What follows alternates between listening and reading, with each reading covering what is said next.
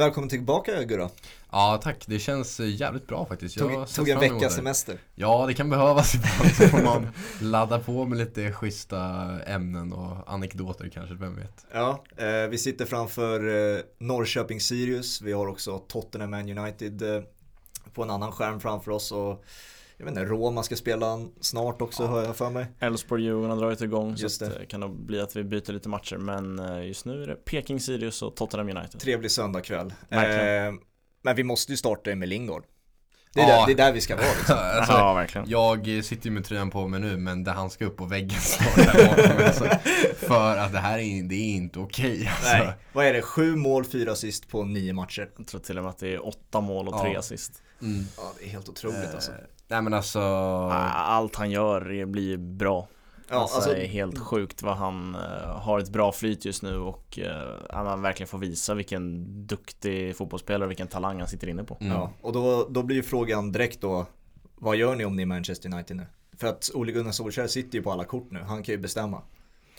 Ja, den där killen ska inte spela i Manchester United i alla fall.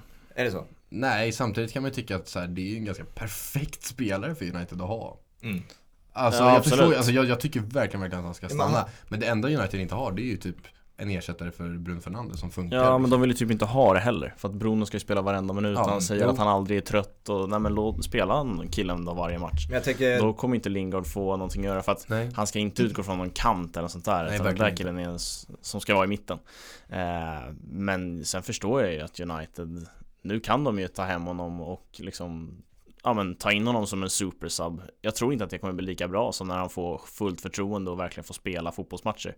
Eh, men liksom, de kommer ju inte rea ut honom. Nej, och så vi har ju liksom en eh, Daniel James som får spela hyfsat regelbundet. Det är liksom, vem föredrar att ha i startelvan just nu? nu? Ja men det går inte att jämföra för att Daniel James har Mason Greenwood och Rashford emot sig och de, de, två, de två spelarna måste vila oftare eh, än vad Bruno Fernandes bevisligen behöver vila. Mm. Eh, så det går, det går inte att jämföra speltid på de killarna. Det är klart att Jesse Lingard är en bättre fotbollsspelare än Daniel James. Det är inget snack om saken. Så vad, vad är alternativet då? När går hans kontrakt i United ut till exempel? Jag vet faktiskt inte. Men eh, jag kan inte tänka mig att han har något superlångt kontrakt Nej. Eh, kvar. Och det känns också som att han sitter i en rätt bra, bra sits nu i kontraktsförhandling. Mm. Vill ni ha mm. kvar mig? Han kan begära ganska bra. Eh, eller så kan han, ja men har han ett, ett år kvar så är det en drömsits för Lingard. Har han två år kvar då är det lite jobbigare. Mm. Eh, alltså för Lingard så tycker jag han ska göra allt för att få lämna till West Ham just. För att där mm. har han hittat in det så väldigt bra. Eh, och liksom, ja men spela lite på att så här, det här är ni skyldiga mig United för allt jag har gjort för, för er. Lite så att det mm. blir någon sorts liksom schysst överenskommelse där prislappen blir helt okej. Okay. Mm. Känner man Lingard rätt också så har han ju det självförtroendet att han kan gå in och göra skillnad i United. Så får han ett erbjudande av dem ja, så exakt. går han in där. Och han älskar ju den klubben med hela sitt hjärta har jag förstått. Så mm. det är ju liksom, ja jag, jag, kan inte riktigt se det hända att han inte skulle vara i United nästa säsong, tyvärr. Alltså, men jag vill ju jättegärna att han ska stanna. Alltså nu flyger han ju. Så mm. det här är ju ingen kritik på, jag förväntar mig att se honom i EM till exempel. Mm. Men att han hade gjort tre, fyra bra matcher i West Ham och så slängs han in direkt in i VM-kvaltruppen då som vi hade under landslagssamlingen. Tyckte inte ni det var lite skumt? Alltså, jag, jag, tycker att det är så engelska landslaget fungerar. Ja, alltså, När en forward hade... har gjort fyra, alltså blir en forward månadens spelare och är från England, ja men då ska han in i truppen. Ja det är bisarrt. Det är så hela tiden. Det där är liksom, de har ett väldigt stort landslag. Jag tror inte, det är väldigt få spelare som känner att jag spelar i engelska landslaget. Mm. Ja, alltså jag har ju berömt eh, Bowen i podden tidigare liksom. Mm. Eh, till exempel, varför slänger man inte in honom efter regelbundet år av bra prestationer? Men när Lingard gör tre mål, liksom, då kastar Southgate in honom, honom direkt. Nu ska han ju såklart sen, vara med Sen har han ju varit med i landslaget. Alltså, han var, alltså, han var bra i VM 2018. Ja men exakt, det är liksom, 2018. Det är ett tag sedan. Jo, jo, men jag menar det är ju lättare att ta tillbaka där. en spelare som exakt. har varit där och är ändå en del av den truppen. Det är ju där sätt. förklaringen till varför han är med och inte Bowen är med till exempel ligger. Att han okay. har varit med. Jag känner bara en favoritisering också på Lingard på ett annat sätt. Det är inte bara eh, erfarenheten av landslaget. Nej, jag vet inte. Det, det känns, alltså Granqvist, eh, den favoriseringen har vi pratat om. Ja. Det, är, det, är, inte på den nivån heller. Den här killen har ju presterat nu. Mm. Eh, och kommer tillbaka på grund av sina prestationer till landslaget. Så att, eh, nej jag vet inte. Jag tycker att det var ganska svårt att inte ta med honom för Southgate. Mm. Vad tippar vi då? Eh, Lingards framtid. Det är, vad, vad, vad är han i höst någonstans? Är han i United eller är han kvar i West Ham? Vad tror ni?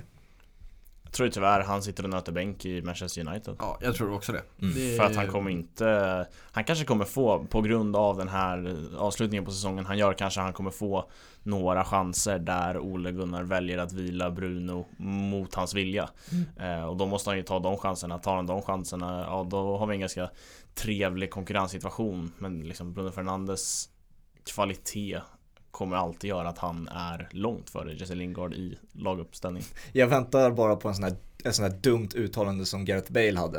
Eh, vi ser ju på Tottenham nu, to eh, Bale är ju nötar ju bänk som vanligt nu i Tottenham efter sitt uttalande där han sa, vad fan var han sa? Ha, eh, hans plan var alltid att eh, komma i form i Tottenham och sen återvända till Real Madrid. No. Alltså man väntar ju sig ett sånt uttalande av Lingard snart. Och, mm. och så blir han eh, fiende nummer ett i West Ham liksom. Eh, vi har inte pratat om den kommentaren som Bale la.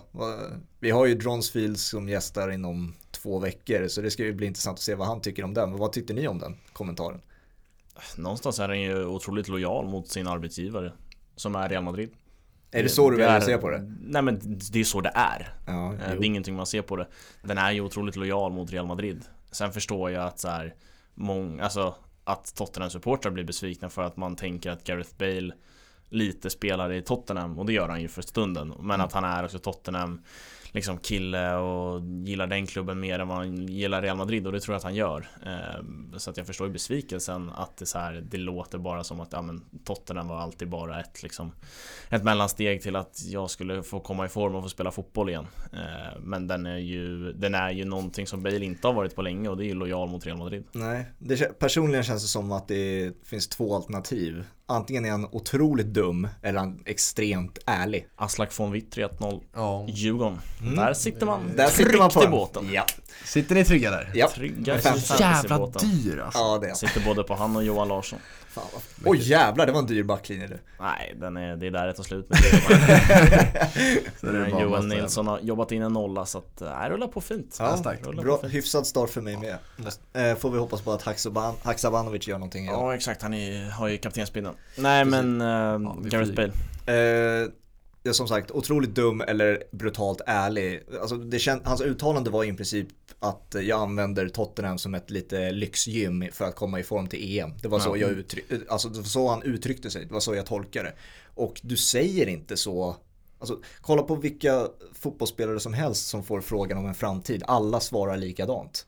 Vi har ju sagt, ja. vi har ju nämnt det i den här podden tidigare, alla svarar likadant. Nej, vi, jag vet inte vad, vad framtiden, hur framtiden ser ut. Alltså vi får se. Det, så säger alla ja, fotbollsspelare, ja. förutom Gareth Bale. Ja, det kan jag, jag uppskatta ändå sätt. det är Alltså jag vet inte, det är väl lite det han säger för att Real Madrid är hans klubb och det fanns väl aldrig, de har väl ingen klausul så det fanns väl aldrig några planer på att Gareth Bale skulle stanna i Tottenham. Det, det visste vi ju inte men nu vet vi det garanterat. Ja men jag tycker att alltså, ett lån utan köpeklausul Det är sällan man tänker att ja, men den killen kommer stanna kvar oavsett mm. eh, Han kan ju hamna vart som helst För att jag tror inte han spelar i Real Madrid Men han måste ju tillbaka till Real Madrid för att de sen ska hitta en ny eh, ja, men ny klubbadress till honom. Eh, och sen tror jag att jag vet inte, Gareth Bale känns otroligt utcheckad så att han är, han är så nöjd eh, så länge han får behålla sin lön i Real Madrid. Ja, så är det. Han var ju nära, vad fan var det, Japan eller Kina för en otrolig summa pengar. Ja. Eh, och så blev han ju så otroligt besviken när han inte fick den värvningen. Så, nej. Eh, vi släpper det tycker jag. Vi har, och eh, Jesse Lingard, det var liksom mm. den parentesen jag hade. Jag tyckte det var ändå rimligt att starta på det med tanke på den söndagen vi har haft. Absolut. Eh, ska vi ta oss till El Clasico? Mm. Absolut, för det att. För att där ligger också mitt ifrågasättande. Eh, mm. Veckans ifrågasättande. Och eh, jag vill uttrycka mig rätt här nu så att det inte missförstås. Eh, det handlar om Zidane och det handlar om hans eh, val av spelsätt. Eh, och till att börja med tycker Zidane är, kan, måste ju vara, med tanke på statistiken tala för det, måste vara den bästa tränaren i toppmatcher. Alltså ingen konkurrens liksom. ja, som. absolut. Alltså, att förbereda en match som är otroligt viktig är han ju Visar han ju gång på gång hur bra ja. han är på. Ja, det, jag tror det är så nio vinster, en oavgjord eh, i alla toppmatcher den här säsongen. Någonting helt galet. Och så han vinner ju titlar hela tiden. Men mitt ifrågasättande är acceptansen kring hans spelsätt i de här toppmatcherna. För om vi blickar på andra, nu fokuserar jag på topptränare liksom med, i toppklubbar. Mm. Rafa Benitez fick sparken i Real Madrid för han spelade för defensivt i toppmatcher. Samma sak med Allegri i Juventus, Antonio Conte i Chelsea. Alltså de här typen av tränare får alltid kritik för hur han ställer upp sitt lag i toppmatcher. Liksom vi ska spela lite mer, alltså normen idag är ju att vi ska spela offensiv fotboll, bollinnehav. Varför kommer Zidane undan med det? Är det bara för att han vinner? Är det därför? Ja, jag tycker att det handlar om resultaten. Rafa Benitez fick sparken för att resultaten inte var tillräckligt ja, bra. Han, de, led, de ledde ligan när han fick sparken.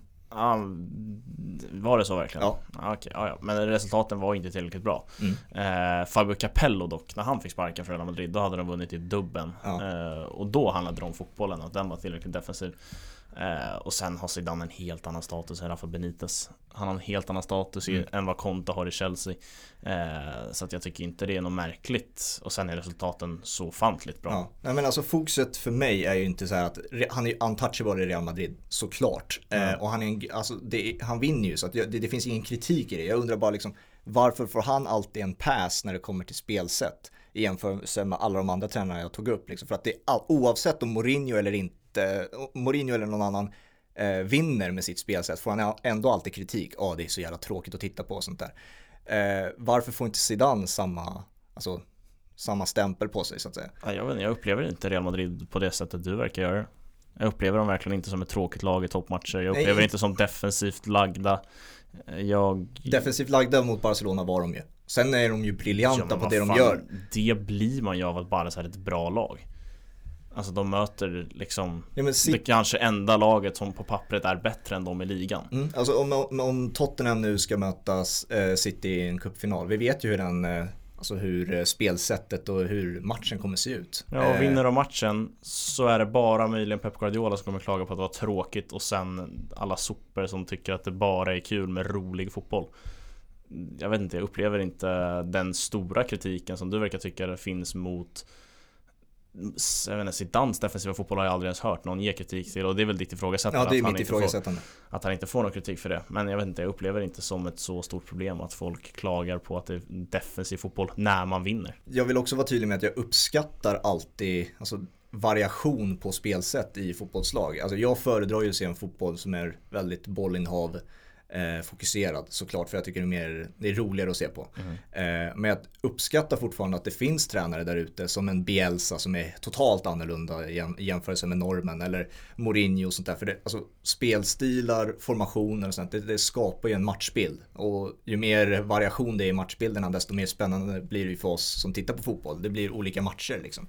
Så det, det är ingen kritik jag har till Zidane överhuvudtaget. Det är bara att jag förstår inte att det där ifrågasättandet inte finns. Nej, men det, jag tycker att svaret på det är ganska enkelt. Han är, han är av en annan status i den klubben han är i än vad många andra tränare är. Mm.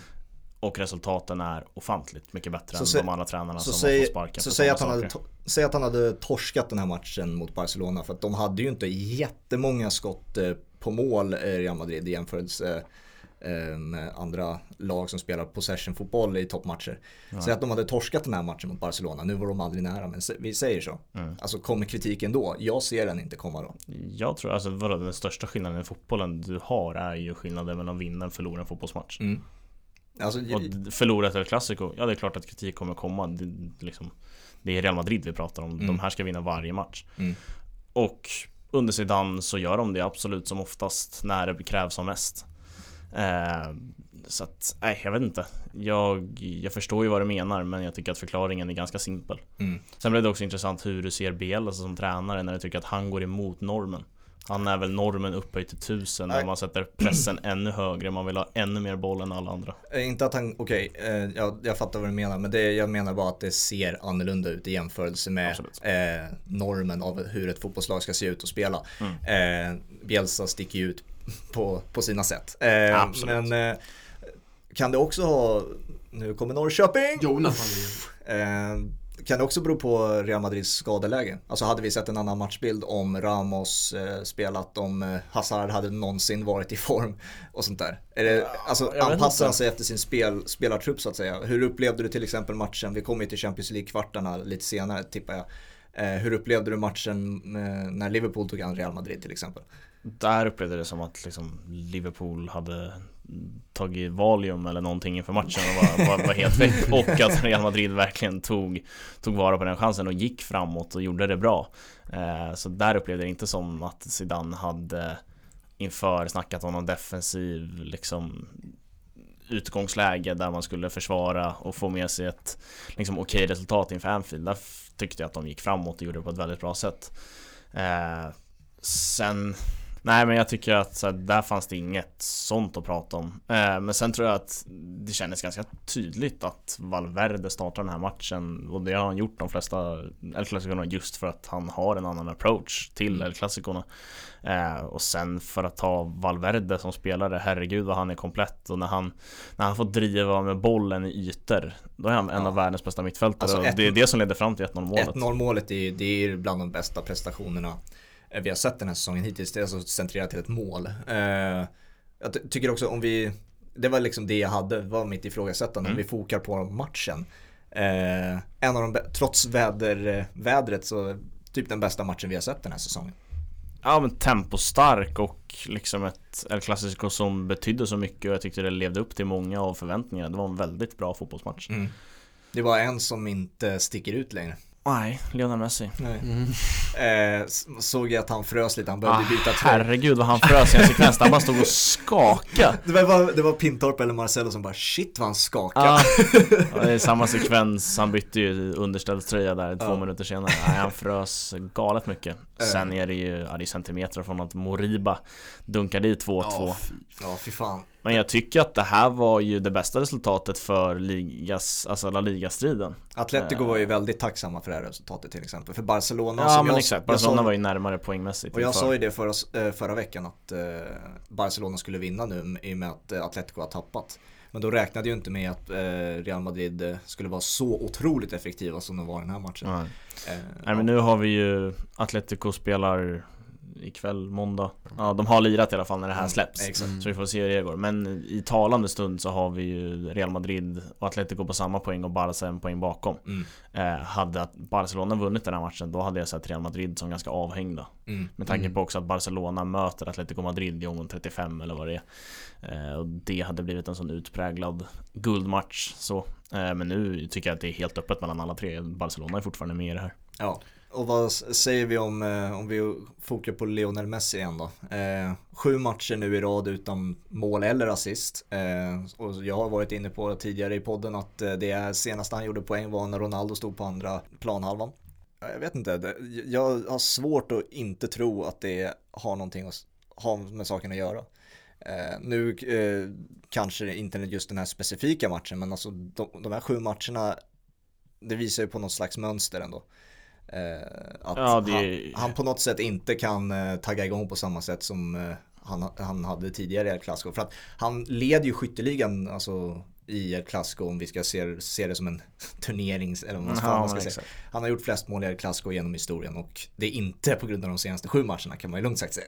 Nej, men det, det är ju där jag tycker det är mest häpnadsväckande. Han har ju han har haft det liksom ganska lätt för El Clasicon. Han har mm. varit den spelaren han är i El Clasicon och det är, det är inte alltid så lätt. Det är många spelare som känner betydelse Oj, oj, oj! Vilket Vad sanslöst mål! Vilken sanslös träff! Vem fan, Vem fan var det? Det var någon som slängde iväg en vänsterdoja, är det Vänsterback typ Dansken Lund eller vad fan var det där? Är det en av de där billiga lärarna som är bredvid Vittry eller? Det kanske inte har så bra koll på det. Ja, ingen i Peking-försvaret men satan, Skulason Tillbaka i Allsvenskan med besked. Vad i helvete? Det, också att det snöar, det där kändes som en riktig så här, du vet, snöträff. Alltså att han ja, men det... tofflar iväg den där. Ja det, det där är ingen toffel, det där är ett strykjärn alltså. Oj, oj, oj. Satan i gatan vilken häxpipa han skickar iväg. Mikael Nilsson helt chanslös. Jävlar. Vilken... Schysst bild, jag fick en notis på Forza också. Han såg han inte riktigt ut. Nej, han såg inte riktigt ut så på, i matchen Bytt men... frisyr sen bilden på Forza. Ja, eh, Om vi lämnar, eller har vi någon mer på Messi? Nej, eller är det bara en allmän Ja men såhär häpnadsväckande att han inte fortsätter leverera i El Clasico med tanke på att han har haft det så lätt tidigare och liksom mm. Men han var ju frusen Ja, han, han var ju frusen Jag vill leda in det här på en annan spelare som var riktigt frusen och tänkte även på när han blev utbytt och det är ju Vinicius mm. Eh, där liksom Ja, ja, ja, ja. Alltså, nej men Vinicius liksom runket om man får säga, det har ju uppgått till en ny nivå efter de här två matcherna ja. alltså, Som man gör mot Liverpool och Barca. Han gör ju två riktigt bra matcher men det känns ja. Som det har gått alltså, extremt fort till, alltså från att eh, han hade enorma problem med sitt beslutsfattande, han kunde liksom inte avsluta överhuvudtaget och nu är det liksom så här nu ser folk verkligen en framtid för honom, alltså spår en ljus framtid. Och jag vet, mm. vad tror ni om är det liksom ett stort framtidslöfte eller är det samma gamla gubbe som bara har fått ett, eh, en liten eh, Mm, alltså, en bra vecka Ja, en bra vecka liksom. Jag satt faktiskt och tänkte på det inför Classico att så här, och under Classico också när det, alltså så här, kommentatorerna nämnde också att så här, men kanske att Vinicius är på väg mot sitt mm. stora genombrott i Real Madrid Jag har haft svårt för Vinicius länge för att jag tycker att beslutsfattandet är på en sån otroligt långt nivå från Real Madrid. Alltså mm. det, är, det är ett amatörmässigt beslutsfattande i många stunder. Eh, så att jag lutar väl lite mer att så här, just nu känner jag att ja, det där är en kille, absolut jättestor talang. Mm. Han, annars hade han inte varit i, i Real Madrid Nej. från första början. Men att jag lutar lite mer åt att så här, han har haft en bra vecka men jag vill se fortfarande väldigt mycket mer till jag känner att han är en Real Madrid-spelare mm. Eh, fullt ut. För att eh, beslutsfattandet har han fortfarande problem med. Mm. Eh, och det där är en sån där grej som ofta tar väldigt mycket längre tid att rätta till hos spelare. Alltså det är spelare som går hela sin karriär. Theo Walcott är ett jättebra exempel. Där liksom talangen finns och jätteduktig. Sen har han haft skador emot sig just den killen. Men där beslutsfattandet inte är tillräckligt bra och det, det är inte alltid rätt och inte alltid lätt att rätta till eh, helt och hållet. Så att jag jag ser ju talangen hos Vinicius och ser ju vilka fantastiska matcher han har gjort här nu. Eh, men eh, det är fortfarande långt kvar tills jag håller honom så högt som många andra gör. Mm. Ja, det finns väldigt mycket att säga om Vinicius. Alltså, först och främst kan man ju säga att han har ju åldern på sin sida. Ah, eh, han är lika gammal som oss liksom. Eh, vi, vi som är så unga och fräscha. Liksom. och eh, eller jag menar han har, om han stannar i Real Madrid har han fortfarande så fem år på sig att utveckla den här sista produkten. Men alltså jäv, jag håller med. Alltså det är så jävligt dåligt så många gånger han kommer. Mm. Alltså, så fort han närmar sig straffområdet, det är något som händer med honom. Ja. Eh, och Benzema, han hoppas ju inte längre på att bollarna kommer. Han bara, på något Nej, sätt kanske. Det har ju varit ganska tydligt. ja, ja, det, finns det, där, det finns det där klippet på tunneln när han säger passa inte honom, han spelar inte i vårt lag eller vad fan han säger. Eh, ganska tveksam lagkapten att ha att göra med då tycker jag. Men eh, det, det berömmet man kan ge Vinicius är att han måste ju vara den mest tydliga, eh, vad ska man säga, rollspelaren i världen just nu. Alltså det finns ingen annan spelare som går lika bra i djupet och kan transportera boll ute på en kant som Vinicius. Och det har han gjort otroligt bra de senaste två. Alltså ta den från eget straffområde till offensivt straffområde på, i den farten. Det finns ingen annan i världen som kan göra det så bra som han. Ja, men det är ju där han är bra, mellan straffområdena. Mm. Eh, och det är ju i straffområdena han behöver utveckla det. Ehm, framförallt offensiva då, för det är där han ska vara. Ehm. Och det, jag tror det är det Zidane ser liksom. Okej, okay, vi låter honom transportera den bollen. För att vi kommer ju ändå så lågt ner i banan mot lag som Barcelona. Och sen kommer det säkert, när de, om de, jag vet inte fan, om de tar sig an Manchester City i, i Champions League eller mm. vilka de nu möter när de går vidare mot Liverpool som jag antar att de gör. Ja, det blir Chelsea. Ja, Chelsea. Eh, som gillar att hålla i boll. Då kanske de tar sig långt ner i banan och Vinicius kan kubba, kubba upp. Liksom, Zidane tillåter det. Och sen hoppas bara Zidane att han kan hitta, eh, hitta en spelare där längre upp som kan ta kan ta ett bättre beslut som Benzema, Valverde, Modric som kommer in ah, andra våg. Nej men det man ska säga om Vinicius också är att han spelar i Real Madrid så att han har ju resurserna för att de har ju resurserna för att kunna jobba fram ett bättre beslutsfattande hos, hos Vinicius. Det är inte liksom Saint Maximan i Nice och Newcastle, Adama Traoré i Wolves liksom att där jag vet inte, det känns som de har mindre tid Real Madrid kan lägga stort fokus på att utveckla Vinicius eh, och göra honom till en väldigt bra beslutsfattare i offensivt straffområde. Mm. Så att eh, det jag hade lite glömt bort Vinicius liksom. Mm. Det var inte en spelare jag tänkte på när jag tänker på det här fotbollsåret och den här fotbollssäsongen. Men nu, de här matcherna har gjort att man säger just det, de, Real Madrid har ju en supertalang där i Vinicius, mm. verkligen. Jag vet att Marcello, Makoto och Adam i Tibo Libre heter det va, som de kör på Dobb. Ja. Tiro. Mm, Tiro Libre. Tiro Libre. Eh, så debatterade de vem de föredrar av eh, Dembélé och eh, Vinicius. Vem mm. man ser den högsta höjden i och vem som har störst potential. Eh, och jag kan fan inte bestämma mig alltså för att båda är så jävligt ojämna. Ja, men också ganska lika. Jag har sett klippet när Marcello eh, lägger ut texten om Osmane Dembélé. Ja, jag håller helt med. Ja, jag tycker han säger det väldigt bra. Alltså, och man blir ju man blir exakt så frustrerad när man ser en fotbollsspelare som har så mycket i sig, men ibland liksom kan han inte ens ta emot en boll. Nej. Och det är ju samma, samma liksom grej när det kommer till Vinicius. Eh, så att, jag tycker det är, det är en svår frågeställning. Men som sportchef så hade jag väl tagit Vinicius eh, på grund av åldern och jag tycker väl kanske att han har Hans högsta nivå är högre medan Dembélé möjligen är lite jämnare På grund av rutin skulle jag gå mm. på då liksom. Och skadebenägenhet Vinicius är aldrig skadad Nej, nej exakt Dembélé är ju, alltså Kan man ju också försvara honom lite med att han har ju Hans karriär har ju halvt blivit förstörd av skador många gånger mm. Nej, det är två, två frustrerande spelare att se stora stunder men som kan också blixtra till och vara väldigt, väldigt bra. Mm. Ja, jag tycker bara det är intressant att spå i hans framtid. För att för några veckor sedan så hade jag liksom sagt att det kommer inte gå. Nej men typ. Det kommer inte gå alls. Nej men typ att det blir Wolves. Ja, det blir alltså. Wolves och han, och han, ja, det går knackigt. Ja, exakt. Alltså, alltså ja, jag kan knappt se han i, i ett mittenlag i PL. Nej. Men, eh, ja. Nej, det, ja. Ja, vem, vem fan vet? Men det, det är liksom inte, det är inte Neymar-höjder liksom. Nej, nej, Så det kan nej. vi ju enas om. Liksom. Nej, och så har det känts lite grann i, i kommentatorsbås runt Ja, ja men att han är på väg mot, exakt. Att han är på, och det är också lätt att dra de liknelserna eftersom han är en vänsterytter från Brasilien som det, är ung liksom och bra på att finta. Det är roligt att du säger sådär med kommentator. Alltså det, sätt en annan eh, spelare i de lägena Vinicius kommer i. Ja. Och alla kommentatorer bara åh jävlar nu kommer han! Mm. Men om Vinicius kommer i de lägena, ja, får vi se vad han gör. För att det kommer ja. antagligen inte bli någonting effektivt av det här. Nej, ja, nej vi, vi får se. Men vi, vi var inne på en match och touchade lite lätt kring eh, den tränaren som gick vinnande i den matchen. Det är Marcelo Bielsa och hans Leeds. Ja. Mm. Eh, och det är där jag har min hjälte och det är ju Stuart Dallas. Eh, han har liksom inte inbringat några pengar eller fantasypoäng till mig den här veckan men det är en spelare som är så kriminellt underskattad. Alltså det där är en kille som är riktigt bra, han håller hög Premier League-nivå. Mm. Eh, och liksom jag, den tanken slog mig igen nu när han går och gör två mål mot eh, Manchester City och vinner den matchen mot Leeds. Eh, även om den matchen kanske inte liksom rättvisemässigt skulle sluta 2-1, men det blev det så. Eh, han är Ja, han funkar liksom högerback, vänsterback, centralmittfält eh, Vad är hans eh, ordinarie position?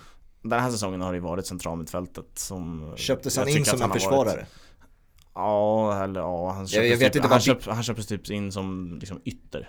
Eh, Han kom, alltså han har varit i Leeds länge. Ja, det här beskriver ju Bielsa rätt bra. Mm. Ja, men det var inte Bielsas gubbe, det där. Eh, Men han har väl skolat om honom. Eh, På något sätt. ja. Nej, men han har liksom fått vikariera där det har varit sjukdomar och skador och har väl, jag tycker att han Känslan är att han har spelat ganska lika många matcher som ytterback som centralmittfältare. Jag tycker mm. att han är som bäst på det centrala mittfältet alltså en superbra Premier League-spelare. Men han kommer ju alltid vara liksom Det är ingen som kommer Han ska inte prata som så här Timo Season eller något sånt där. Det är inte dit jag vill komma. Men jag Edison då... Cavani Oj, Sorry att jag avbröt. Nej, det är inga problem. Han kan hitta nätet fortfarande. Han har känts lite, alltså jag tyckte, att, jag tyckte han var ganska fin när han kom till United men sen har han känts olycklig och inte haft ja, Men det är det jävla Sydamerika-snacket som ja. gör att han, jag vet inte Det känns som Sydamerikas syndrom, det är många mm. sydamerikaner som ofta längtar hem Nej men Stuart Dallas, min hjälte, två vackra mål och eh, jag tycker att han har en säsong som gör att han borde pratas om mer mm. än vad han gör mm, mm. Absolut jag... Och jag tycker Leeds säsong är också underskattad för att jag Det känns som att många tog för givet bara att det där laget kommer inte åka ur Det där laget kommer vara ganska bra ja. Men jag tycker att de är bättre än vad man kan förvänta sig av en nykomling oavsett om det är Bielsa som leder dem eller inte Vad ligger de nu? Jag tror de ligger på ett ungefär 11-10 någonstans Ja, okay. exakt uh, och det är de, har, de har bra mycket närmare till Europaplats än nedflyttning Ja, verkligen. Eh, alltså poängmässigt. ja, poängmässigt ja, exakt. Och re realistiskt. Jävla assist av Pogba by the way. Ja, otroligt snyggt. Det är jävligt, jag har även en Leeds-story jag med för efter matchen eh, så gick jag ut på golfbanan och då lirade jag med ett Leeds-fan eh, som hade flyttat till Sverige. Eh, och jag tänkte på det där när du sa att han, eh, när vi snackade om hans position, det är ganska uppfriskande att eh, jag ledde med farsan, han sa så här, ja, eh, han är back va, eller något sånt där. Mm. Han bara, nej han är mittfältare. Ja. Han är ytter. Han är ju mittfältare, det är ju det han är. Ja. Han, man är så jävla fantasy-skadad bara för att han står som en jävla back liksom. Ja, Eh, nej, det var otroligt fint och han var ju nöjd eh, som få. Kan ni göra ja, mål var, nu då Norrköping? Det var ju en eh, jag såg inte, var på ettårskalas under första halvlek och sen andra halvlek följde jag sporadiskt eh, på en andra skärm När Allsvenskan drog igång eh, med Bayern och Hammarby Så att jag såg inte hela men det var ju ett ofantligt tryck som City satt mm. eh, sista Ja men egentligen hela andra halvlek kan man säga mm. eh, Men jag tycker där det ändå är Lead som är närmast både en och två gånger. Rafinha är fri i minut 86 och sen är Dallas fri i minut 92. Och jag tyckte Bielsa sa det ganska bra att så här, vi förtjänade att vinna, men det hade varit mer rättvist om City va. Alltså, ja, det, ja. det, var inte oförtjänt att Leeds gick och vann det där, men det var ju klart att det var chansmässigt och skott och allt sånt där, alla de parametrarna så är det klart att det kanske hade varit mer rättvist om Nu kollas det här på McTominay och Son, han får en eh, handflata i facet. Är det, så, jaha, är det det? Ja. Men det är inte, ja men vad fan. Är det frispark? Ska det bara bli dock Ja, det kommer ju säkert bli det. Uh, jag älskar hur, alltså när Premier League-domare går ut och kollar på skärmen De kollar några gånger och sen ser vad han gör Frispark? Det är frispark, ja uh, Ibland går hur de... fan såg ni det på det där tecknet? Ja, men, ja, men han, hade inte... ju han hade ju pekat på, uh, på punkten annars om det hade varit Mittenpunkten ja Ja, om det hade varit Ja men hur visste du att han inte gjorde det? För att han pekade vad säger man, vågrätt, alltså okay. ja, ja. ja, Jag tycker ofta Premier League-domarna, de är ute och kollar på skärmen, ibland kollar de och så går de därifrån Och så, och så bara, jag tar en sista till Man bara, va? Har du inte bestämt dig när du började gå därifrån? Det är sån jävla sjukhet så här. Jag tar en titt till, nu kommer Levi här Kom igen nu då! Jonathan Levi Snälla! Han väljer högen Fan. som han knappt använder till att stå på Ja, oh, herregud Ja, eh, ska vi leda in mot min, mitt lilla segment här som jag slängde ihop eh, mm. precis när jag kom hit och det eh, handlar ju dels om, jag, jag, kom på det nu när du sa att Jonathan Levi knappt kan stå på sin högerfot för det är information som jag liksom inte inte har, mm. men som jag längtar efter att få nu. Jag känner mig lite som att jag går in i en ny fas i mitt liv. Nästan. När jag, jag längtar efter, efter säsongens gång när jag kommer kunna säga liksom, ja fan, den där gubben i Halmstad var rätt fin liksom. Ja. Och följa med i det här liksom, på samma sätt som man gör i andra ligor. Och, och därför handlar eh, denna veckas lilla quiz om Allsvenskan och eh, även ett litet eh, extra moment som Fabian kommer få vara med och designa lite grann. Alltså. Eh, eftersom jag anser att eh, Hampus har en otrolig, är en otrolig förhandsfavorit. Ja. Eh, om det här eh, på förhand. Eh, så att det kommer gå till så att eh, det går ut på, eller det är baserat på förra årets, skytte, förra årets skytteligor. Mm. och jag vet att vi körde det här momentet i avsnitt 50-quizet. Det handlar om att ni ska utmana varandra om hur många ni kan sätta av ett specifikt ämne. Ja. Så vi körde ligaklubbar till exempel. Då tror du att du kan sätta sju och så tror Fabian att han kan sätta åtta och så Ja. Och så, så man... den som ger sig, eller den som inte ger sig får testa och sätta så många som den har mm. okay. trott. Ja. Eh, och det handlar först om topp 20 i skytteligan Allsvenskan 2020. Topp 20? Topp 20. Okay. Om inte Hampus vinner det, då är det fiasko. Men, eh, vi ska även köra en till och då får Fabian välja liga. Ooh. Näst, förra säsongen? Förra säsongen. Okej. Okay. Så då, det blir lite, mm -hmm. lite både och. Men vi mhm. börjar med Allsvenskan. Okay. Ja. Eh, vem vill börja och eh, utmana? Fabian, du får börja då och säga hur många du tror att du sätter. Eh, vilka, hur, vad ska jag sätta nu? Antalet mål på en spelare? Nej, du ska sätta spelare i topp 20 Allsvenskans skytteliga. Okej. Okay. Eh, och hur lång tid har vi på oss? Alltså, alltså, annars kan man ju säga att man sätter 20 och så tar man Ja just det, det, var tid, det är tid också ja. Vad, vad, vad, vad tycker ni? Ja men hyfsat kort tid ändå 30 sek? Ja, en minut kanske? Ja, en minut En minut Okej, okay. uh, jag börjar med tre då mm. Mm, jag säger sex uh, hur, hur länge får jag tänka ut det här? Det är också kul om Hampus pressas lite Ja så att det inte bara blir att vad, säger om... Säg ditt tak, tak då Hampus. För men, att alltså, du, du, kommer kunna rabbla mer än mig. Mm. Säg, säg ditt tak och så får vi se om jag tror på det eller inte. Um, alltså jag vill ändå sätta taget ganska högt för att det är Alltså jag tror inte att du sätter sju. Här kommer Son. Nu gjorde Son. Tottenham. Han ser inte ut att ha så ont i facet längre. Nej exakt. Fick ett slag där men ser ganska glad ut för det. Ja fy fan. Ja, kör. Vad är... Nej men säg, säg att jag sett, jag tror inte, alltså jag tror inte jag gör det men Säg 11 då. Mm. Du sätter inte 12. Nej jag sätter inte 12. Kör 11. Ja, jag är redo med timern. Är du redo? Mm, absolut. 3, 2, 1. Selmani, Nyman Goitom har nog letat sig in mm, där. Um, Haksabanovic uh, Mer alltså, vad fick jag? Malmö uh, Kiese Thelin. Haksabanovic. Haksabanovic är inte med. Haksabanovic är inte med. Nej då så. Men, men, nej, men kör, fortsätt, fortsätt, fortsätt. Uh, Hur många har du? Fem? Nej fyra då, i så fall om Haxa inte var med. Uh, men vad fan, Kiese Thelin, mm. jag vet inte om det, Nej, det är att jag tog upp ett finger för men Nej gud vad svårt. Uh, Topp 20, det är jättemånga spelare men eh, Elfsborg, Per Frick, Jesper Karlsson Ja um, uh, Fan jag tror inte han har gjort så många Leo Bengtsson kanske? Ja um, Vad var jag på tiden? 10 sekunder kvar, 5 sekunder kvar. Ja, dra till med Levi. Bra. Eh, det är två till men jag sätter inte två till. Ja. Han sätter du nio. Mm. Det är ändå gan, det är, det är ändå Helt okej, okay, men jag, ja. trodde, jag trodde mer på det där faktiskt. Ja. För det, det, är namn här som, nu jag har ju facit framför mig här. Du, du hade ju, du kan ju de här spelarna. Christiansen ja, satte du inte. Nej. Eh, Stefano Vecchia. Ja, så att jag Ulvestad. kan topp 20. Det är Nej, Ulvestad alltså. Mm. Mm, Djurgården gör en del mer mål än vad man kanske jo, tänker sig. Ulvestad topp 20? Ulvestad gjorde 11, 11 pixar förra året. men det var väl många på straff? Han var väl straff? Ja, straffskytt. Ja. Nej, men det är ju där också när man sätts under eh, tidspress. Mm. Eh, det är ju något helt annat. Men eh, ja, nio får väl vara, vara godkänt. Jag, jag vinner ju inte på det men Nej. det är väl helt okej. Ja då är det egentligen Fabian som får poängen här. Men, ja, yes! nu får du helt enkelt välja liga. Vilken, vad tror du att du är Förra starkast? säsongen, då tror jag att jag är starkast i ehm, Jag tror ju både jag och Hampus är starkast i Premier League. Mm. Um, kan ju vara så, kul också. Ska vi, är det regeln nu att om man säger som han sa nu, Haksabanovic, att det var fel, då är det, då är det game over eller?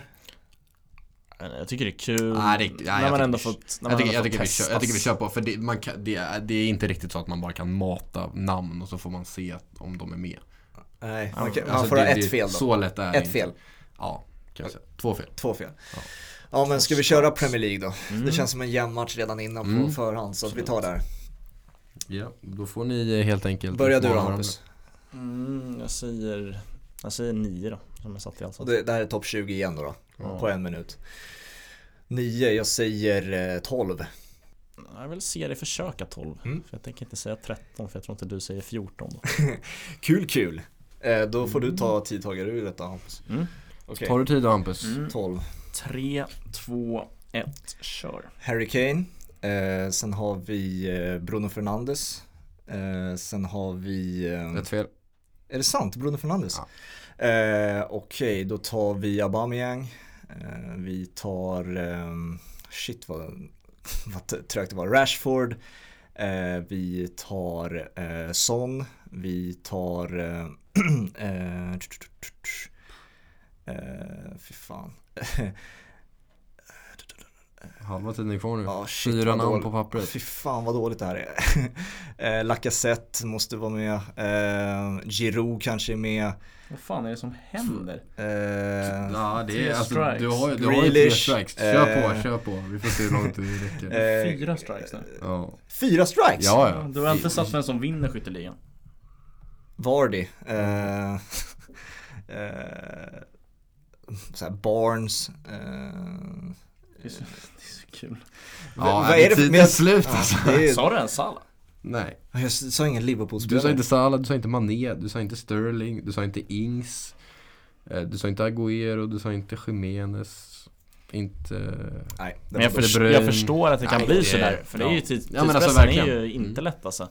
Um, jag fastnade ju alltid på, jag fastnade på de här namnen som har, alltså Bruno Fernandes var väl ett exempel på de nya namnen. Mm. Så här, Såhär, oh ja. Werner, nej fan han var inte där förra året och nej, han, han är inte i närheten nej. nu heller för i och för sig men liksom sådana där namn, Cavani och sådana där namn är... Nej, man, vet att det, man vet att det är över när Barnes kommer in När man inte ens vet vilken Barnes men han gör väl mycket poäng?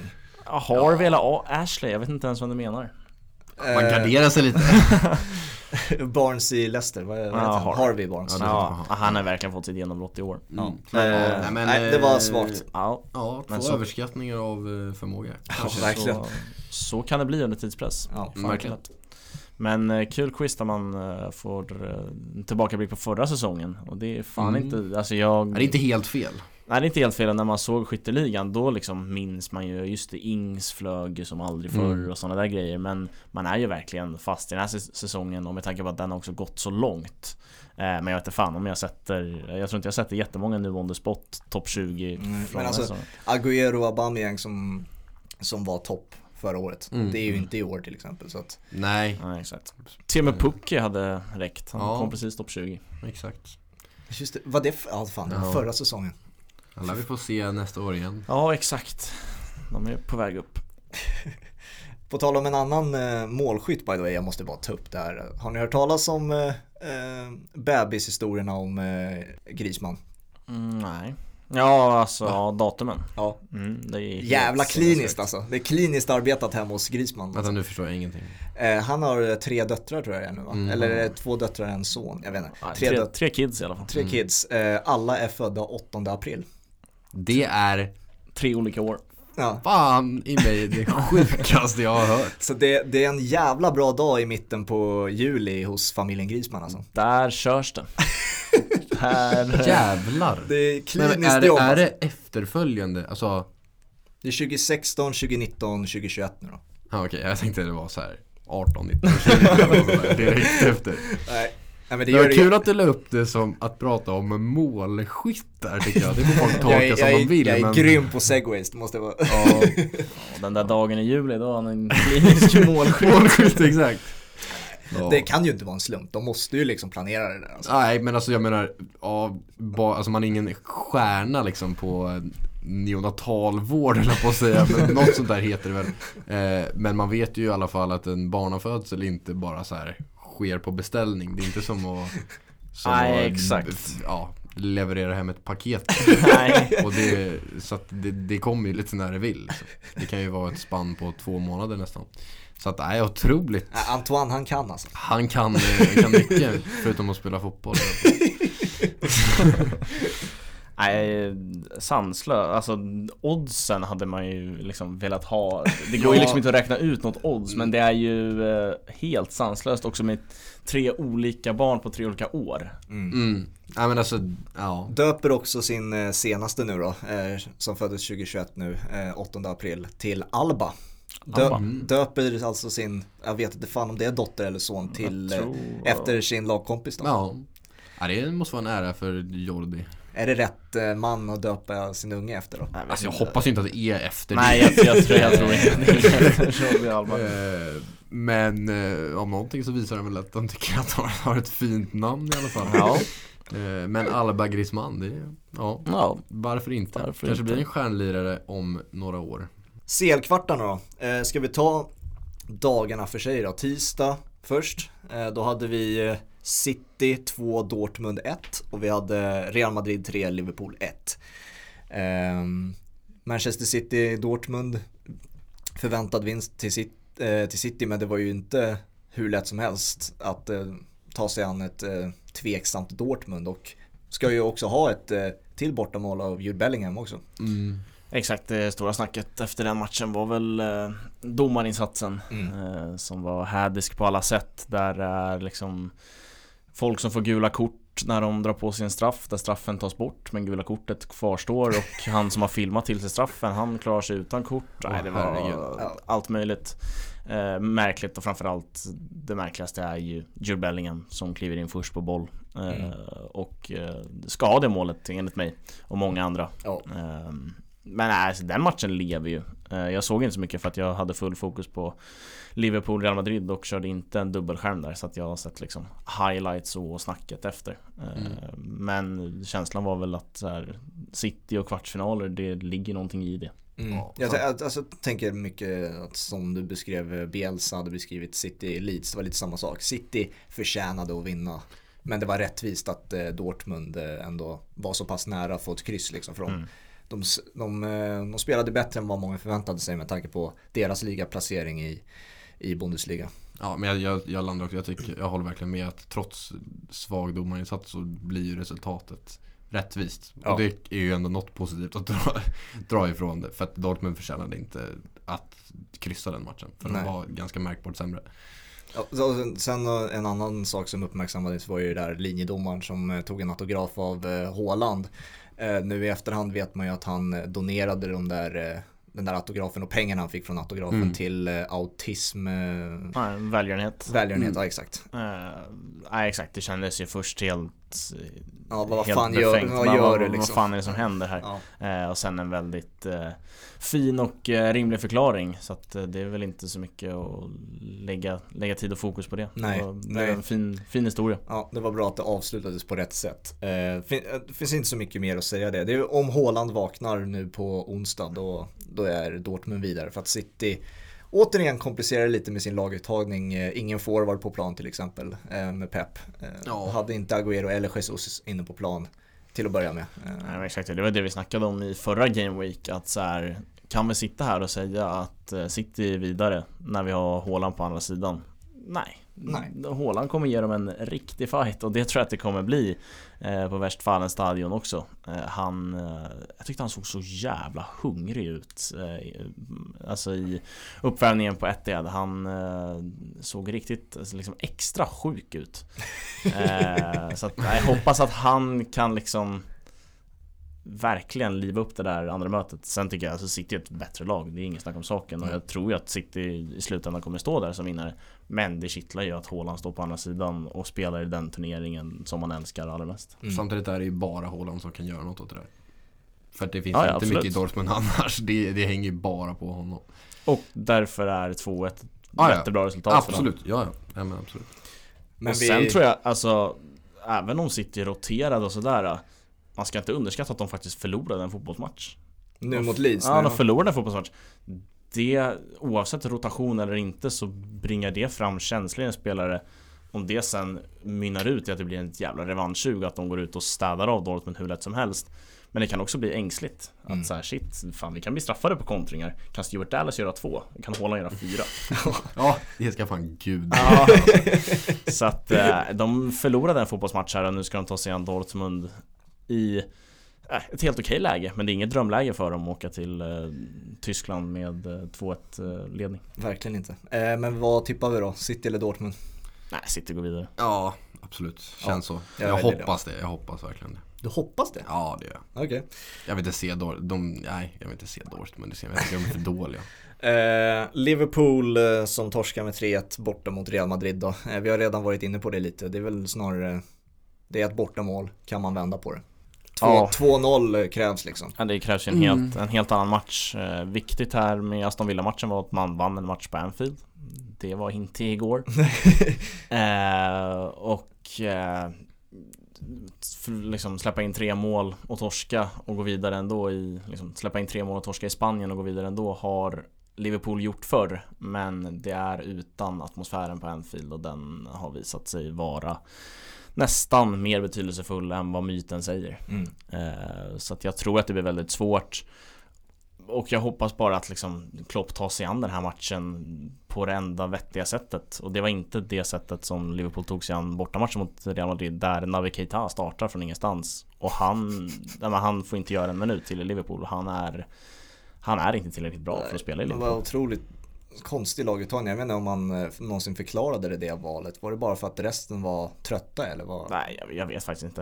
Uh, snyggt volleymål av Vittry. Ser på fick vi reprisen här. Uh, nej, jag tyckte att det var en uh, feg approach den matchen som ledde till att uh, Real Madrid kunde spela ut och 3-1 var i underkant. Mm.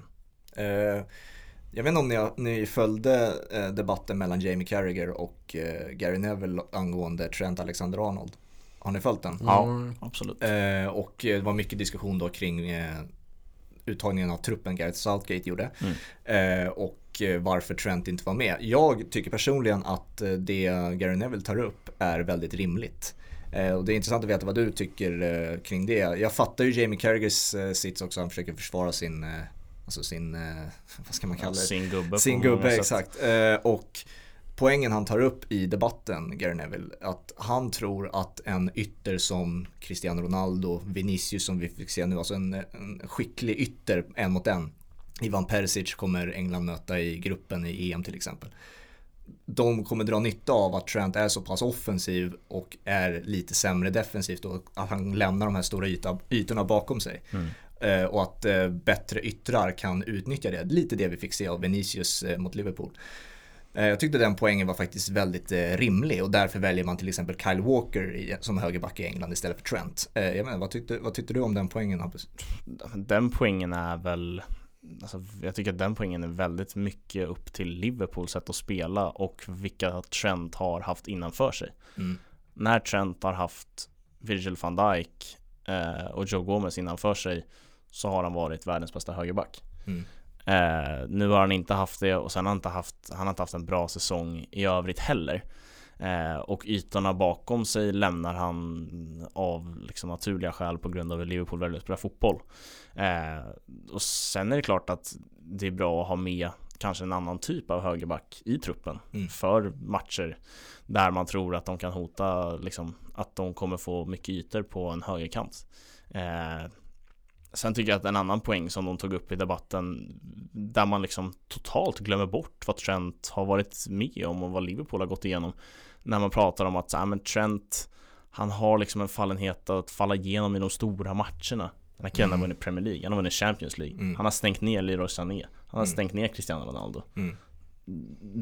Den, den poängen förstod jag ingenting Erfar av. Erfarenheten sitter han inne på. Jag, jag tyckte poängen mer som var rimlig var ju snarare hans eh, positionering på plan. Eh, mm. och om man, eh, för att han är den bästa offensiva högerbacken när han väl, inte ens när han är i form utan när han är lite tveksamt i form. Det har vi sett nu de, eh, de senaste två Premier League-matcherna när han har gjort mål och assist mot Arsenal och Aston Villa. Men det är liksom, kan, är det tillräckligt viktigt att ha med Trent Alexander-Arnold på en högerback för att ja som sagt han kommer inte kunna punktmarkera en Säg en annan vänsterytter som vi inte har nämnt. Ed Hazard om han är med i Belgien till exempel. Mm. Nej, alltså det är klart att hans svagheter ligger i försvaret och den här säsongen har inte varit rolig för Trent Alexander-Arnold. Men jag tycker att är han topp två i England när det kommer till högerbackar? Ja, absolut. Mm.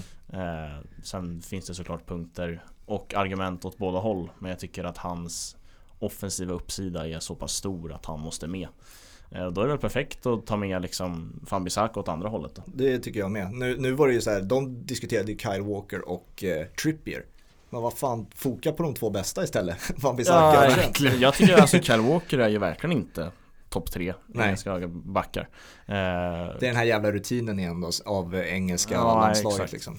Och Kieran Trippier förstår jag att man nämner. Han uh, har inte sett jättemycket av men han har ju säkert en jättefin säsong i Atletico Madrid som har gjort en bra säsong fram mm. hit. Mm. Uh, där han också har ett grundspel i försvaret som har säkert utvecklats enormt under Simeone jämfört mm. med uh, vad han hade i Tottenham. Så att, jag tycker att Trent Alexander ska med i truppen. Mm. Ja, jag tycker han också ska med. Men eh, ytterst tveksamt om han ska starta. Jag hade startat Wan-Bissaka men han kommer ju tydligen inte ens vara med på planet av någon jävla anledning. det är helt sanslöst. Ja, det är helt, jag, jag är helt med dig. Alltså, jag tycker att det är Alltså, ja, han är inte kriminellt underskattad som Surdellas men mm. han är underskattad Wan-Bissaka. Ja, han är alltid bra tycker jag. Ja. Framförallt jag, alltså, jag tycker också att det är exakt samma grej för Wan-Bissaka som Trent fast i olika delar av planen. Ja. Fambisaka är precis så bra i defensiven som Trent Alexander-Arnold är i offensiven mm. och sen har han likadana brister. Ja, vi, vi har ju varit, mm. Alltså på uttagningen eh, av de två, det beror ju på vilka man möter. Alltså om man möter eh, Verkligen. Kroatien då som de kommer möta i EM-gruppen Så då väljer man Van Bissaka så stänger man ner Ivan Perisic på det sättet. Och sen mm. om man, nu vet jag inte vilken den sämre motståndaren i deras grupp är men då spelar man Trent liksom. Nej, jag tycker att det skulle ge Southgate exakt den flexibiliteten du är inne på. Att mm. man kan ge en ganska tydlig profil ja.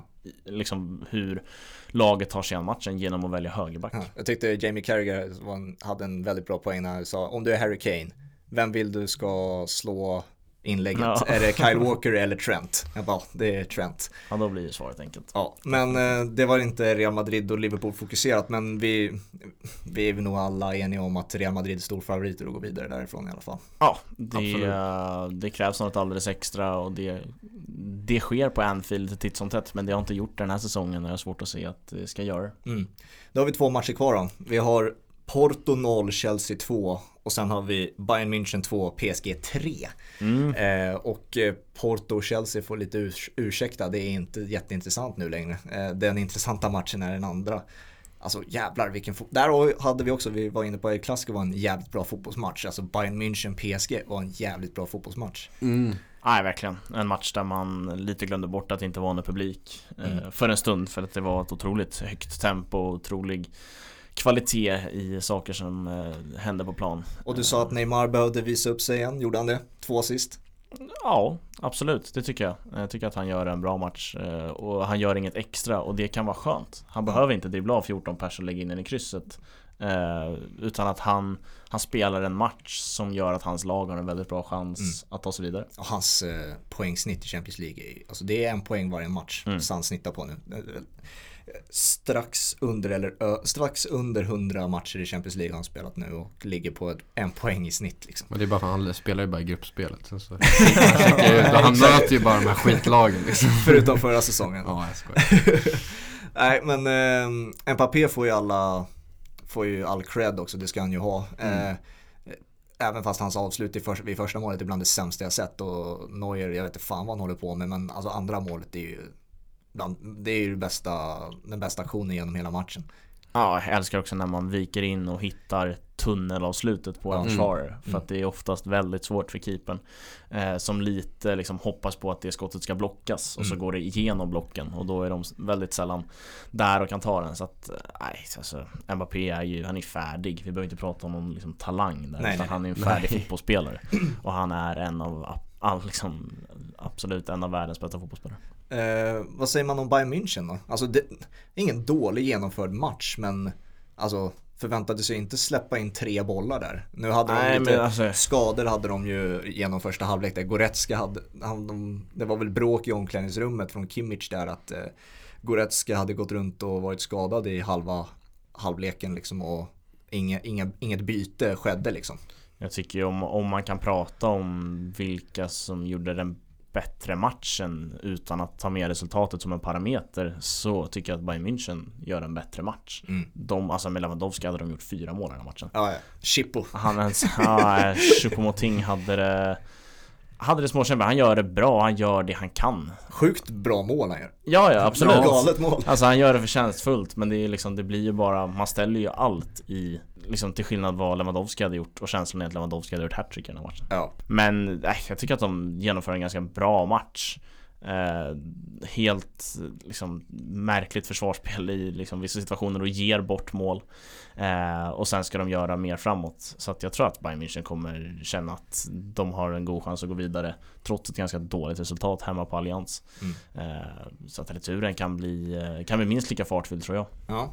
Men det känns ändå som att eh, fotbollssäsongen nu har vaknat igen på något sätt. Ja, jag kom, tänkte komma till det. Allsvenska premiären har ju gjort sitt, inte för att det levererar så fantastiskt mycket offensiv kvalitativ fotboll. Vi har, hur många matcher har slutat 0-0 nu i premiäromgången? Är det tre? Ja, det är tre stycken, tre och fyra. Eh, tre och fyra som är färdigspelade. Ja, precis. Som vi har nu. Sen, ja. Ingen av de här matcherna slutar i 0-0 så vi kan liksom, räkna in dem också. Ja. Då är det tre och sex. Alltså, jag vet inte fan om man kan, alltså hur mycket på hur mycket, vad man kan skylla på det. Underlaget, Halmstad, BK Häcken. Ja, det, det var sådär. Det var sådär. Men, men, men det, det slutar inte 0-0. Nej, nej, det slutar 1-0. Men det, jag, det är två. tänker, på, parame ja. tänker på parametrar här som kan påverka. Men, eh, det, det, är lite skillnad då. Jag tittade då samtidigt på Halmstad, Häcken och Juventus Genoa. Alltså det, mm. Skillnaden där alltså. Det är, och kul att Kulusevski får göra mål by the way. Men eh, ja, skillnad var det i alla fall. Ja, och det kan det också få vara. Ja, ja det, det ska det ju vara. Ja, ja. det är så är det. Men äh, jag, jag la ut i fredags äh, på sociala medier att det går inte att göra annat än att le när det spelas bra fotboll och i helgen börjar Allsvenskan men jag tänker le ändå. jag vet att det inte kommer spelas någon bra fotboll. Nej. Men jag älskar Allsvenskan för, för det den är ändå. Och fan i malmö bayern det var en jävla omgång. Och det mm. var en riktigt bra match. fotbollsmatch. Där det bjöds även på offensiv kvalitet. Mm. Så att, äh, det, det kommer ju variera i kvalitet och Allsvenska premiäromgången är oftast ganska trög Där lagen inte alls har hittat in Trots en liksom, rekordlång försäsong ja. Men nej, verkligen är det så att den här, nu är det den bästa tiden på året Ja, nej men jag tänkte bara spinna vidare på det när jag sagt att den, det har ju vaknat kul att se också Ja men bra matcher i La Liga, bra matcher i Champions League, Allsvenskan drar igång. Det är uppfriskande. Ja, mm. verkligen. Eh, verkligen, eh, känner jag. Så det, det är svinkul. Mm. Och även på sina håll eh, där vissa länder är bättre än andra på att öka på med vaccineringen men eh, England går ju mot en, liksom, en öppning av landet. Liksom, Känslan att det kan bli helt normalt igen eh, liksom i juni det här året. Oh. eh, Där är vi inte i Sverige. Känslan är att nej. vi inte kommer öppna på ett tag. Siktar nog på juni nästa år. Men det är ändå uppfriskande att man kanske kan blicka fram emot en Premier League-säsong nästa år som kommer kännas mer normal. Ja, det var väl frustration där. Mer normal kommer den vara. De där bilderna på när det trängdes i, en, i ett VIP-bås där i, på Malmö stadion. Eh, ja, med människor, ingen eh, corona-avstånd där inte, men eh, vi, inga på arenan i alla fall. Ja, det är väl bestämmelserna och restriktionerna som är riktigt skeva. Ja, jag vill bara, jag var på Ikea tidigare idag och då var jag alltså där inne tillsammans med 500 andra personer och låg i sängar som folk har provat provat. Det blir ganska, det blir ganska eh, humoristiskt när man tänker att ja. eh, AIK nu och Malmö och massa andra lag ska släppa in ja, så, så, åtta personer på en eh, arena som tar 50 000. Och i Stockholm var det samma dag eh, Skansen var fullproppat med människor. Alltså det gick inte ens att gå två meter utan att krocka i, med folk liksom. Och där på Malmö stadion var det, ja, där var det inte mycket. Oh, nej. nej men det, det är ju, alltså det är mycket många företag och mycket liksom industrier som har haft liksom svåra problem med coronarestriktioner men svensk fotboll har blivit totalt våldtagen av restriktionerna. alltså, så är det ju. Alltså, ja. det, det, har inte varit rimligt på något sätt. Eh, och det är bara att hoppas att de börjar liksom släppa upp så, så fort de känner att det är rimligt. Mm. Och framförallt det sjukaste är ju inte att det inte får vara publik på Allsvenskan. Det känns väl rätt rimligt. Det sjukaste är ju att division 2 neråt inte ens får spela fotboll. Ja, jag, är, ja, jag är en av dem. Jag får ja. inte spela någon fotboll liksom. Ja, och att andra verksamheter får ha jättemånga människor på samma Ja, men exakt. Ja. Och vi, jag känner ofta att vi åker lite ut på halis ibland när vi börjar gränsa till det liksom politiska. Men här känner jag mig otroligt bekväm i, ja. det, i det jag sitter och säger här. Ja, För det här, det, det, är, det, det är världsfrånvänt. Ja, verkligen. Eh, ska vi knyta ihop säcken där? Ja, det gör vi. Eh, just nu så står det 1-0 till Tottenham, det står 1-0 till Norrköping, det står 1-0 till Djurgården. Eh, har du mm. koll på vad det står i Roma? Det står 0-0. Där står det 0-0. Jag har inte fått något. Eh, ja. Men La Liga som sagt är ju eh, den eh, den ligan man verkligen ska fokusera på nu när det närmar sig slutet och eh, på fredag så gästas vi av eh, Marcello. Eh, ska vi bland annat snacka kanske lite mer om El Clasico som inte han med idag om vi har missat någonting. Sen har vi en Copa del Rey-final mellan Athletic Bilbao och Barcelona som ska spelas i helgen. Där eh, Bilbao lite får uh, andra chansen som i Melodifestivalen. De nådde inte hela vägen fram i den första cupfinalen och så får de en till cupfinal. Exakt. Eller får och får, den har de spelat till sig. Det är så trevligt. Det var ingen kritik mot Bilbao. Nej, eh, och sen får vi se om vi pratar lite mer Real Madrid då, om de har tagit sig vidare mot ditt Liverpool eller inte. Mm. Nå någonting mot, om Real Madrid lär vi ta upp i alla fall. Oh ja. Oh ja. så att det har ni att se fram emot. Tack så mycket för att ni har lyssnat den här gången. Ciao! Ciao, ciao.